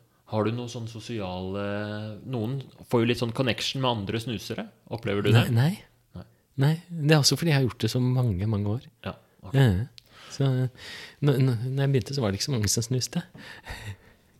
Da var du litt sånn eh, radikal. Ja, militæret. Hvordan var det? igjen? Følte du deg kul, da, eller? Det Husker jeg ikke. Jeg Husker jeg ikke. Nei. Nei. Ok, du, kom, du kommer med noen fordeler, men Ja. det er litt sånn eh, Du holder det litt eh, innabords. Er det litt fordi du er lege òg, at, at du ikke vil reklamere for rus her på podkasten? Eller for snus, mener jeg. Ikke Ja, ja det, si- sikkert. Ja, men det, det, det mener jeg jo sånn fra dypet av mitt hjerte at det ikke er lurt. Altså, herregud, jeg hadde jo spart veldig mye penger hvis jeg hadde droppet å gjøre det. Mm. jeg, helsa hadde sikkert vært bedre. Eh, men, men, jeg, jeg, jeg, det, det er- ikke noe dårlig med helsa nå. Jo, det er nok litt sånn oppkvikkende òg. Det tenker jeg. Ja, tenker, Litt ja, litt, og det er litt viktig. Gi litt Det- energi. Ja, det gjør det. Det, det. Og det trenger jeg jo ofte når jeg sitter og skriver og sånne ting. Og det er nok da jeg snuser mest. Ja. Når jeg sitter og skriver sitter og og leser og skal lese en artikkel og ordne og sånn, da, da trenger jeg virkelig en snus. Er det, ja, fordi på, Nå skriver du faktisk litt sånn prestasjonsfremmende. Ja, litt prestasjonsfremmende, faktisk. Det hjelper deg å konsentrere deg. Jeg vet ikke om det gjør det, men jeg føler at det gjør det. Du føler at du gjør det. Og, det er ikke bare at, definitivt. ja, og når du føler at du gjør det, så Ja. vil du jo kanskje gjøre det også. Ja. i og med at Det er, Vet du hva, det er den viktigste delen, når jeg tenker meg om. Der kommer vi fram til nå. Der kommer vi fram til noe. At den, den gir meg et eller annet sånt En eh, piff. Den er, den er god, samtidig så gir den et piff. At jeg er mer eh, konsentrert Det er en følelse jeg har. Jeg vet Mm. ikke om det er sånn. Hvis du hadde tatt noen tester, ja, det kan det vært motsatt. Men, men jeg føler at jeg er mer med. Jeg konsentrerer meg bedre. Eh, og forstår bedre teksten, skriver bedre kanskje, ikke sant? Mm. Og sånne ting. Så det, det sitter faktisk ganske sånn en kon kontakt mellom det at du snuser, og det at du skriver så godt. Ja. Det, det føler du er der. Ja, ja. ja. Kjempebra. Den er, den er helt Den er veldig Og den har vært der lenge. Den har vært Når jeg lenge. var student også. Ja. Ikke sant? Eh, Å lese til eksamen, f.eks., Mm. uten snus, det, det, det er litt interessant, fordi da leste, snuste jeg mye før eksamen. Da, da går det helt klart mye mer. Når jeg, jeg er stressa, når du nevnte det også, kom jeg på nå. Mm. Mye mer da, når jeg er stressa. Og fordi det på en måte skal slappe av og være konsentrert, da, sikkert på samme måte. Og så jeg, kom sommerferien, eksamen var ferdig, jeg skulle prøve å slutte å snuse. Og jeg husker vi var på hytta, eksempel, og jeg skulle prøve å slutte å snuse, ble veldig dårlig humør. Og så endte det med at kona reiste og kjøpte snus til meg. Ikke sant? Ikke og det ville hun ikke ha noe av. Nei. Nei, hun orker ikke å leve med en sånn sur på. Nei, nei, nei. nei, nei. I hvert fall ikke når normalen er så ekstremt blid som du er. Mm. Så, men det, dette her var helt sånn perfekt. Eh, bare for å snakke litt om motiverende Ja. så var dette helt perfekt. For nå Ja. kommer vi fram til en sånn begrunnelse for å snuse. En fordel med å snuse. Som du holdt litt under teppet, liksom. Men den er, og den er im Jeg hadde holdt den under teppet, eller jeg hadde ikke tenkt på den, og så er den så viktig for meg. Jeg måtte dra den litt ut, og den er Ja, kjempeviktig. det er jo det jeg holder på med om dagen. ikke sant? Lese og skrive og undervise og sånn. Ja. Så det er, eh, dette er jo helt gull. Ja. Så eh, jeg har ikke noe troa på at, at du noen gang vil ta noe valg om Eller eh, jeg har ikke noe tro på at hvis du skulle slutte å snuse noen gang, at du kunne gjort det uten å være bevisst Nei. på akkurat det. Nei. Eller det ville vært veldig tungt. Ja. Fordi da måtte du liksom eh, først tatt valget om å slutte å snuse, og så møte det, disse her argumentene her i døra, liksom, mens du står der. Og så kommer du jo på 'Å ja, men jeg skal jo skrive en artikkel. Jeg kan jo ikke gjøre det uten å snuse'. Du, fordi du har ikke tenkt gjennom det. Nei. Det er Så, ikke tenkt så dette her er disse flokene som må ut, og som må fram på bordet. Mm. Da kan vi prøve å snakke litt om ulemper. Vi har jo vært gjennom alle fra før. da Ja. Eh, Du snakket om du, snakket, du listet opp en lang liste Mm. med helse og eh, Du nevnte kreft, økonomi. Hvilken av de er det som du syns er det viktigste argumentet for å Ja, det jeg kom på nå, er jo den ulempen med at du er avhengig av noe, sånn at jeg hele tiden må passe på at jeg har det også. Ja. Ikke sant? Det blir en sånn hemming, egentlig. Jeg må, passe, på at, jeg må passe på at jeg har snus tilgjengelig. Eh, det må jeg også.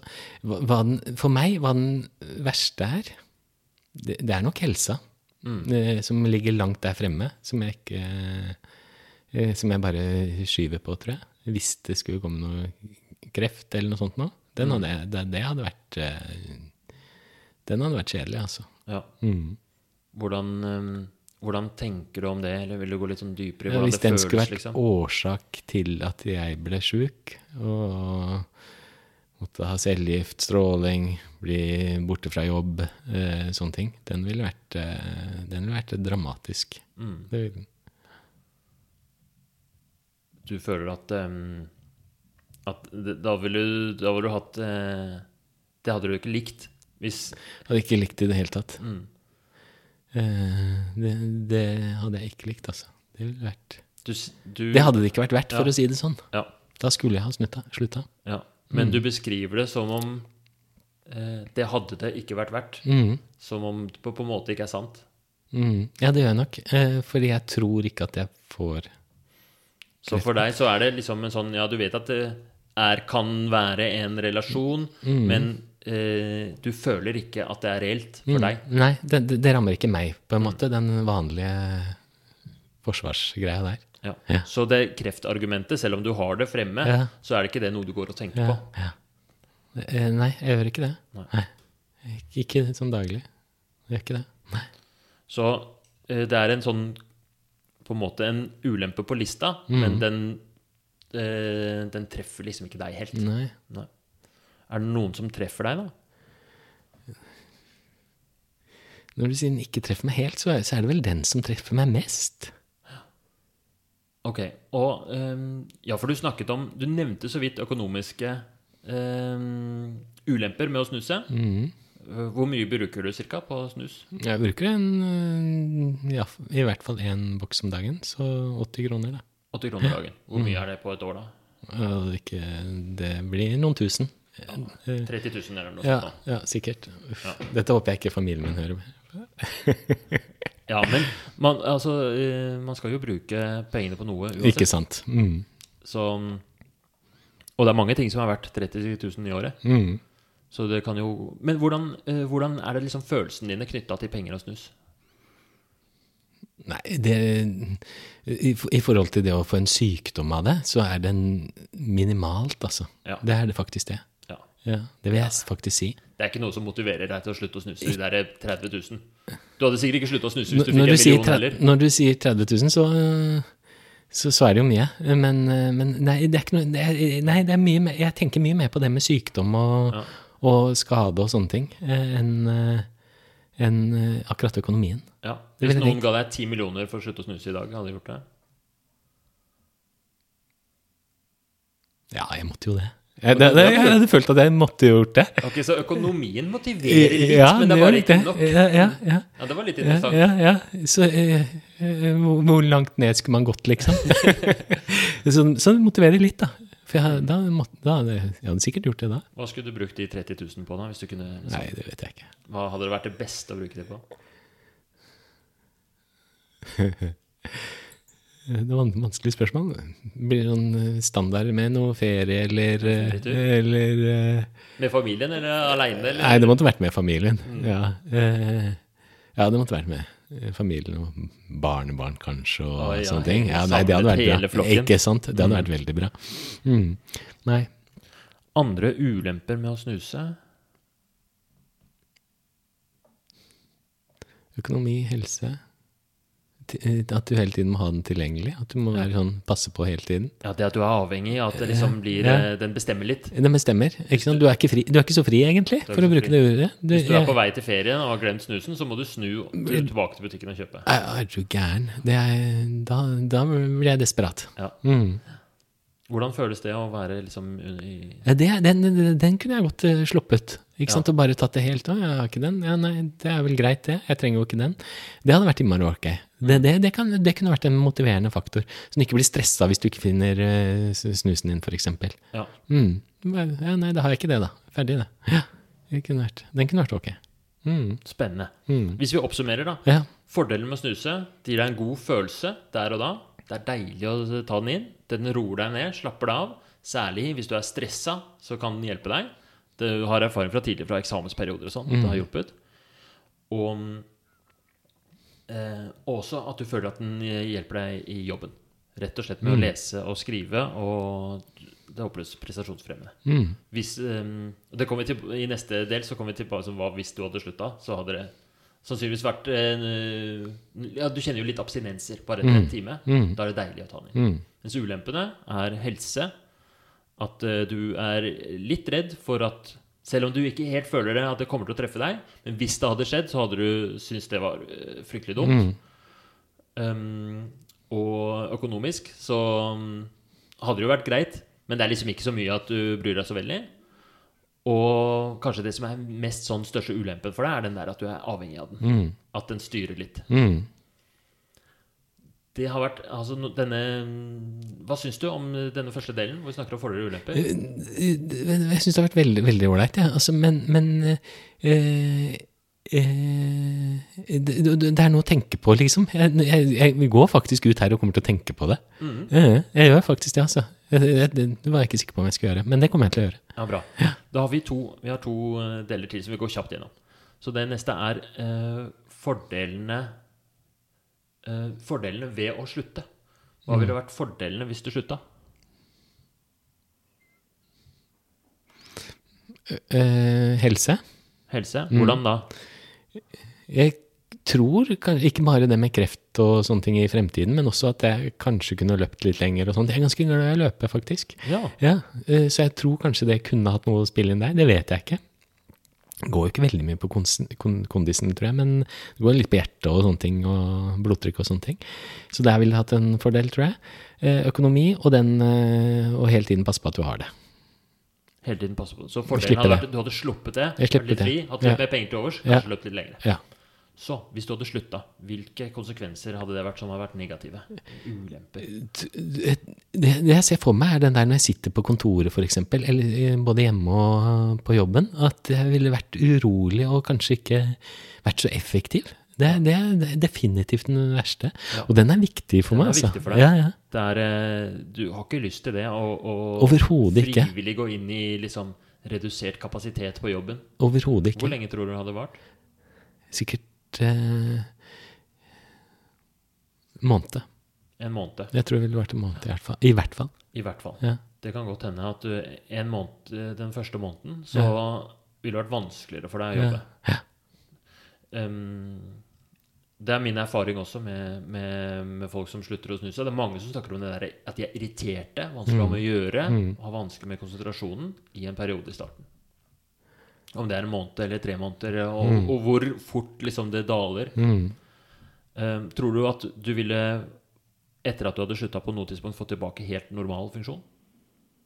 Hva tenker du om normal funksjon? Ja, så At du er så effektiv og så god Ja, som du er men det, det, ville, det ville ta tid, altså. Mm. jeg tror det. Det innbiller meg det. Innbiller Ja, det er bare sånn tanken Når du spør nå, så bare tenker jeg sånn Nei, det ville tatt tid. Det er liksom så mange år, og liksom den vanen og Ja, nei, jeg innrøm, innrøm, inn, inn, innbiller meg at det ville tatt litt tid. Ja. Um, det hadde vært veldig interessant å se noen studier. Men vil du høre i hvert fall, Jeg har erfaring fra folk som har snusa. Ja. Og hva eh, eh, Så det er ikke sikkert det vil være relevant for deg, men i hvert fall en annen erfaring. En som snuste fast, Ja. og som hadde samme opplevelsen. At Det vil jeg gjerne høre. Eh, den personen, det er meg, Ja. um, opplevde i, Etter ca. et år så var det ingen abstinenser. Ingen, um, ingen sånn uh, behov for å ha noe snus. Ikke noe følelse av at det var noe som manglet. Og også hvis det kom liksom en snus på bordet, så er det ingen sånn følelse av at det var noe savn. Men det var faktisk helt fram til et år så var det visse ting som jeg liksom opplevde. At det var sånn Oi, shit, fikk liten støkk når jeg så en snusboks, f.eks. Det er lenge, da. Det er lenge. Men ehm, det var definitivt veldig stor forskjell på den første uka og liksom den andre måneden, liksom. Mm. Eh, og eh, etter Jeg husker ikke hvor lang tid, men på et tidspunkt så var det som om jeg aldri hadde snusa i det hele tatt. Så det, men det er ikke sikkert for deg. Hvem vet? Kanskje for deg så ville det gått mye fortere. Mm. Kanskje ville det tatt lang tid. Mm. Og det er jo sikkert avhengig av hvordan man går gjennom den prosessen. Mm. Sikkert. Um, men nok om det. Eh, det. Nå kommer vi ut av endringssnakket. Merka du det? Mm. Så å drive og gi og begynne å liksom informere og sånt noe, det er litt Det gjør man minst mulig motiverende. Mm. Mm. Ja, og det, det er litt forskjell på kognitiv terapi òg, Ja. tror jeg. For der informerer vi jo og, den, Hvis du mener med det psykoedukasjon og bruker andre eksempler, jo. For det er jo en litt sånn der å normalisere, tenker jeg. Og Ja. det, det følte jeg at du gjorde nå. Dette Ja. var, og, og det er som regel greit at du er ikke, eh, iallfall i senere stadier, hvis jeg hadde stått på og visst at ja, men hvis jeg holder ut så og så lenge, så, så gir det Ja. seg. Ikke sant? Så tenker jeg Ja, så den, eh, den er litt eh, Jeg vet at man ikke skal gjøre så mye sånn i, i, i motiverende intervju. Eh, Eller motiverende samtale, jeg liker det bedre, altså. Ja. Men, men i kognitiv terapi så ville vi gjort det. Og da ville jeg tenkt det var en litt sånn normaliserende ja. Slapp av, ja, dette går over. Bare Ja. holder ut litt, liksom. Mm. Ja. Det har vært interessant å, å kombinere litt, fordi det altså, Fordi det har jo veldig mye å si, de der holdningene du har til snus. Det at du er helt fast bestemt på at det er prestasjonsfremmende for deg. Mm. Og for hvis du hadde trodd at det ikke var det, eller hvis du hadde tenkt sånn at uh, jeg er helt sikker på at innen en måned så får jeg min fulle funksjon tilbake, så ville nok det også påvirket Ikke sant? prognosene også. Ja, ja, ja. ja. Ja. Men uh, la oss eh, oppsummere den biten òg, da. Så fordelene ved å slutte for deg, kanskje litt eh, bedre løping, litt friere med tanke på den der avhengigheten. Men den store ulempen er den der at du kanskje ville vært grinete, og kanskje ville slitt litt på jobben i en måneds tid. Mm. Så det jeg lurer på nå, er Har vi klart, ved å ca. et kvarters endringssnakk, har vi klart å fremme en slags eh, følelse av Ikke nødvendigvis sånn veldig sterk motivasjon 'jeg skal gå og slutte å snuse nå', men en slags sånn nysgjerrighet, inspirasjon, en lett bris. K- En litt, det, det må være en lett bris, eh, eh, men kun en lett bris. Eh, ikke, ikke, noe, ikke noe Ingen orkan. Ingen orkan, ikke, langt fra en orkan. Og det er jeg veldig glad for å høre, fordi jeg syns lette briser er mye bedre enn orkaner. Fordi hvis det hadde vært en orkan, Ja. Og du hadde gått sånn Vet du hva, jeg skal gjøre det, så hadde jeg vært litt skeptisk. Fordi det, noen blir jo veldig fort engasjert, og så slukker flammen igjen veldig fort. Så den lette brisen Kan du fortelle mer om den? Hvordan Hva den Nei, beskriver den? begynt, det, det er noe med den der endringssnakket du gjør, faktisk her, som, som eh, ikke sant? Jeg vet jo, jeg har jo tenkt det, men når, du, når du, man sier det til en annen person, så blir det noe annet. At du begynner å tenke litt mer på det. Skulle jeg prøvd å gjøre det? Jeg, eller er fordelene eh, Fordelene fortsatt for store for meg. Nå kan jeg i hvert fall ikke gjøre det, for nå vet jeg at denne høsten kommer til å bli rimelig hektisk med artikler og undervisning og veiledning og nye prosjekter og alt sammen. Så da måtte jeg vente litt, så da ville jeg utsatt det. Så hadde jeg tatt valget nå, så hadde jeg sagt nei, nå skal jeg ikke gjøre det, i hvert fall. For nå vet jeg at det blir my mye. Eh, nå skal jeg ikke ha noe annet som forstyrrer det, på en måte. Ja, så hvis du skulle lagt en plan nå, Ja. så hadde det vært helt klart at den Hvis du f.eks. skulle satt en sluttedato, som eh, vi ikke skal gjøre, Mm. Nei. men da ville den vært Da ville den vært eh, altså noe sånn november-desember etter det, liksom. Etter det, Mm. eh, definitivt. Og da begynner jo det der med ferien, ikke sant? Mm. Og da ville nok eh, kanskje kona kjøpt en snus til meg. Ja. Hvis det blir sånn i feriene. Ikke er Det også nevner du, så Hvis Ja. Mm. man skulle lagd en plan, så kanskje kona måtte vært involvert på en eller annen måte. Mulig det, altså. Kanskje hun skulle vært med på et intervju. Ikke sant? Det hadde jo vært veldig spennende. Det hadde vært veldig spennende. Så der kommer det fram eh, Men nå legger jeg også merke til at du beskrev veldig kort følelsen, og så gikk du over på de konkrete stegene. Nei, det må ikke skje sånn. Ja. i så fall skje sånn og sånn. Men Ja. gå tilbake til bare den følelsen.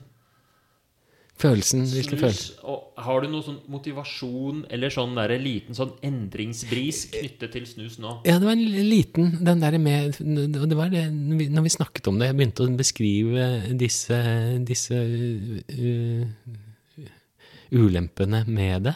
Ikke sant? Det er jo Ja, det er jo ulemper hele veien her. Uh, så Ja. Og den, den brisen er der. Den merker jeg er der. Hvordan kjennes den ut? Den kjennes sånn at jeg blir litt sånn usikker. Litt usikker, ja. ja. så her er det jo faktisk eh, enda mer ambivalens og diskrepans enn når, jeg, Ja. når vi startet, faktisk. Dette er interessant, altså. Mm. Men den er ikke mye. Den er men den er mye. der. Den er den lite grann. Ja, lite grann er den der. Ja. Mm. Og det er min eh, Det er det som jeg tenker er motiverende motivere intervju. At hvis du har den der lille usikkerheten der, Mm. så kan man alltid jobbe videre med den. Mm. Få ha samtale med kanskje med kona òg. Mm. Kanskje bruke den lille brisen til å få deg med på å gjøre noen oppgaver. Mm. Og hvis man i tillegg har en god relasjon, som vi har snakket om, Mm. eller at dette er litt hyggelig, og vi ikke legger for mye press på deg Mm. For det siste jeg må gjøre nå, er å si sånn Ja, men da, til neste gang så snuser du ikke. Ja. Og hvis du da plutselig det blir for mye, og så kommer du aldri Ja. tilbake. ikke sant? For da, hvis man klarer å, å, å holde på det. Så kanskje den brisen tar den der Røsberg-skuta hele veien Ikke sant? over snusegrensa. Ikke sant? Ærlig. Vi får se. Uansett så, så er det jo det viktigste er jo at um, fordi, fordi mange som snuser og røyker, snuser og røyker med en sånn der stadig indre sånn at det blir en uh, eh, At det blir liksom en sånn negativt slør over det. Mm. Det er jo veldig fint hvis noen kan bestemme seg for at jeg, jeg har faktisk tenkt å snuse, jeg. Mm. Eller jeg skal snuse til jeg blir pensjonist, eller hva, altså, hva som helst. Mm. Så er det jo Så kanskje man frigjør litt eh, den brisen til, å, til andre ting som er viktig for seg. Mm. Mm. Det er jo ikke alltid at Det er ikke sikkert bare fordi helsevesenet mener at eh, det er fint om man slutter å snuse, så betyr jo ikke det at det er det viktigste for hver enkelt. Nei.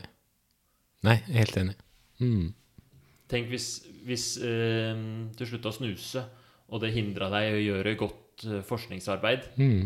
og så gikk vi glipp av en breakthrough på kognitiv terapi. det hadde vært noe. Det hadde vært krise. det hadde vært krise. Så kanskje det er i vår alles eh, tjeneste Kanskje jeg må fortsette å snuse. Ikke Ja, sant? Så får, du bare, så får du bare ta de konsekvensene. Stakkars. Det blir ikke noe ferietur på ja, da, ja.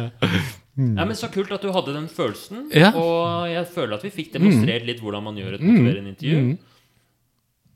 Og, og at det er sånn man jobber, og at man etter hvert kan Mm. kanskje skape Hjelpe med å konkretisere en plan Mm. og, Mm.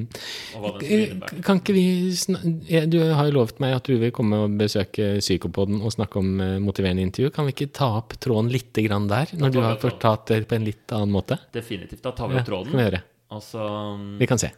Ja, men det lover jeg. Det lover Da skal vi ta opp tråden. ja. Så se hva som ligger igjen av det da. Ja. Mm. Og, men det får være opp til deg også, om du har lyst til å, å ta opp tråden, du òg. Ja. Tusen takk for at du stilte på intervju. Veldig hyggelig. Det ble mye lenger enn jeg hadde tenkt, men det får bare være sånn. Tiden har løpt. Dette har vært veldig hyggelig, syns jeg. Da eh, Jeg tror vi har fått fram mye om kognitiv terapi òg, Ja. og motiverende intervju. Ja. Ikke sant? Hvordan du jobber med motiverende intervju, og hvordan vi jobber med kognitiv. Jeg er veldig fornøyd med Jeg tror det er lærerikt og spennende for, Mm. for mange, dette her. Takk skal du ha. Og så får du ha en fin dag videre. Takk.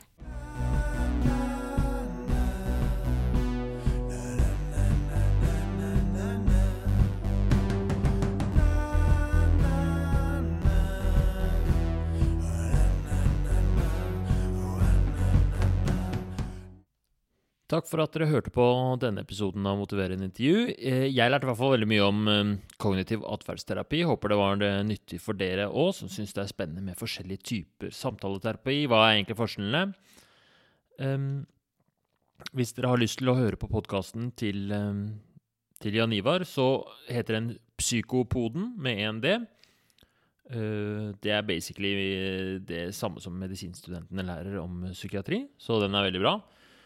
Eh, Jeg tenkte jeg skulle legge ut et lite sånn eksempel på den derre eh, Den derre kuratorappen som jeg har brukt for å eh, sånn timelogging. Jeg syns det er litt sånn interessant det han, det var hans favorittøvelse.